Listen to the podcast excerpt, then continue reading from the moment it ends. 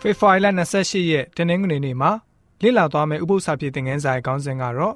ဟေရှာယဤအမှန်တရားစမ်းသပ်ပုံဖြစ်ပါတယ်။ဟေရှာယဟာသတင်းပေးတသက်ပဲဖြစ်မယ်ဆိုလို့ရှိရင်မေရှိယရဲ့အကြောင်းအလုံးစုံကိုတစ်ကြိမ်နဲ့ဖွင့်ဟပြောဆိုပါလိမ့်မယ်။ဒါပေမဲ့တွင်တင်နိုင်မှုစီးုံနိုင်မှုဖျားသခင်ရဲ့အစီကံဖြစ်လူတွေကိုပြသနိုင်မှုအတွက်မိမိရဲ့လုပ်ရက်ကိုကောင်းမွန်စွာပြသခဲ့ပါတယ်။ဖျားရှင်ရဲ့သတင်းစကားကိုလူတွေရုပ်လုံးပေါ်တဲ့အထိမြင်နိုင်ဖို့ ဖွင့်ပြခဲ့ပါတယ်။ဟေရှာယဟာမိမိရဲ့သတင်းစကားကိုနားထောင်နေတဲ့သူတွေအတွက်အလှဆုံးပကြီကားလိုသတင်းကိုပေးနိုင်ခဲ့ပါတယ်။ဟေရှာနာဂတိကျမ်းခန်းကြီး49ငယ်9အရာဖျားရှင်ရဲ့အစီကံကျွန်းကိုလူတွေကအထင်မြင်သေးကြပါတယ်။ဆက်ဆုပ်ယွန်ရှာမုန်းတီးကြပါတယ်။ဒါပေမဲ့တန်ရှင်းသောဖျားသခင်ရဲ့ကျေးဇူးတော်ကြောင့်ရှင်မြင်းတွေဟာမြင်ပြီးတော့ထားကြလိမ့်မယ်။မင်းကြီးမင်းသားတွေဟာလည်းပဲကူးကွယ်ကြလိမ့်မယ်။နောက်ပြီးတော့ဟေရှာယအနာဂတိကျမ်းခန်းကြီး90မှာ ဂျိုင်းသည်အလွန်နဲ့၍ကျင်နာမှုရှိသောတွင်တင်သူသည်တင်ကြားသောစကားကိုနားထောင်မိအကြောင်းငါနားကိုနှိုးဆော်တော်မူ၏ဆိုပြီးတော့တွေ့ရပါတယ်။အနိုင်ကျင့်မှုတွေဟာအနောက်တိုင်းယဉ်ကျေးမှုအရာအလွန်ယွန်ရှာပွဲကောင်းပါတယ်။သို့တော့အရှိတိုင်းယဉ်ကျေးမှုမှာတော့အသေးခံရဲခြင်းအဆိုရင်ဆွေမျိုးနဲ့လူမျိုးအတွက်ဂုဏ်ယူစရာဖြစ်ပါတယ်။တင့်အနေနဲ့မှားယွင်းပြီးတော့တဦးတယောက်ကိုတတ်မိမယ်ဆိုရင် အထူးသတိထားဖို့လိုပါတယ်အကြောင်းကတော့သူ့ရဲ့အမျိုးတွေဟာဒါမှမဟုတ်သူ့ကိုချစ်တဲ့သူတွေဟာတင့်ကိုအသေးချာပြန်တက်မှာကတော့လုံးဝရှောင်လွဲလို့မရပါဘူးဒါဝိမင်းကြီးဟာအမုံပြည်ကိုတိုက်ခိုက်တင်ပိုက်ခဲ့ပါတယ်ဘာကြောင့်အဲ့လိုမျိုးလုပ်ခဲ့ရတာလဲကြည့်လိုက်တဲ့အခါမှာအဲ့ဒီပြည်သားတွေဟာဒါဝိမင်းကြီးရဲ့တန်တမန်တော်တွေကိုဖမ်းချုပ်ပြီးတော့မုတ်စိတ်တချမ်းရိပ်ပြီးတော့အဆက်ခွဲခဲ့တဲ့အတွက်ကြောင့်ဖြစ်ပါတယ်ဒါပေမဲ့ဟေရှာအနာဂတိကျမ်းအခန်းကြီး90မှာတော့လူတွေဟာအစေခံကျွန်းကိုနှိပ်စက်ကြတယ် မုတ်စိတ်မွေးတွေကိုနာကျင်စွာတပင်ချင်းဆွဲနှုတ်တယ်တတွင်းနဲ့ထွေးတယ်နိုင်ငံတကာဥပဒေအရအဲ့လိုမျိုးသောအပြုမှုတွေဟာလုံးဝလက်ခံမှာမဟုတ်ပါဘူးအဲ့လိုအပြုခံရတဲ့သူက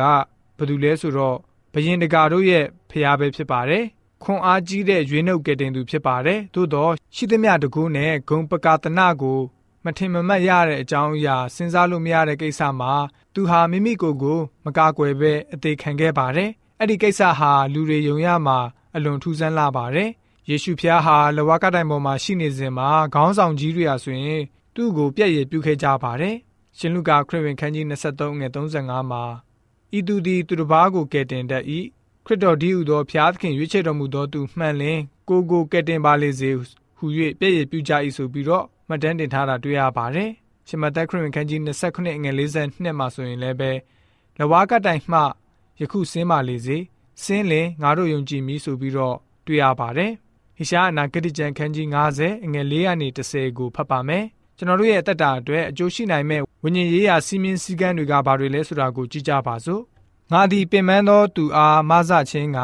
စကားပြောတတ်မိအကြောင်းအရှင်ထာဝရဘုရားသည်လူတက်ဤနှုတ်သက်တိကိုငါအားပေးတော်မူပြီးနာနဲ့အစဉ်တိုင်းငါကိုနှိုးတော်မူ၏စာတင်သောသူကဲ့သို့နားထောင်စေမိအကြောင်းငါနာကိုနှိုးဆော်တော်မူ၏ အရှင်ထာဝရဘုရားသည်ငါနားကိုဖွင့်တော်မူ၍ငါသည်မငင်းမဆန်နောက်သို့မဆုပ်ရိုက်တော်သူတို့အားငါကြောကို၎င်းနာပန်းဆန်ကိုနှုတ်တော်သူတို့အားငါပါကို၎င်းငါအပ်ပေး၏အဆက်ခွဲခြင်းနှင့်တတွေးထွေးခြင်းမှငါသည်ကိုမျက်နာကိုမလွဲအရှင်ထာဝရဘုရားသည်ငါကိုစောင့်မတော်မူလိမ့်မည်ထို့ကြောင့်ငါမရှုံးရသည်ဖြစ်၍ကိုမျက်နာကိုမီးကြောက်ကဲ့သို့ထားလျက်ရှက်ကြောက်ခြင်းသို့မရောက်ရဟုငါသိ၏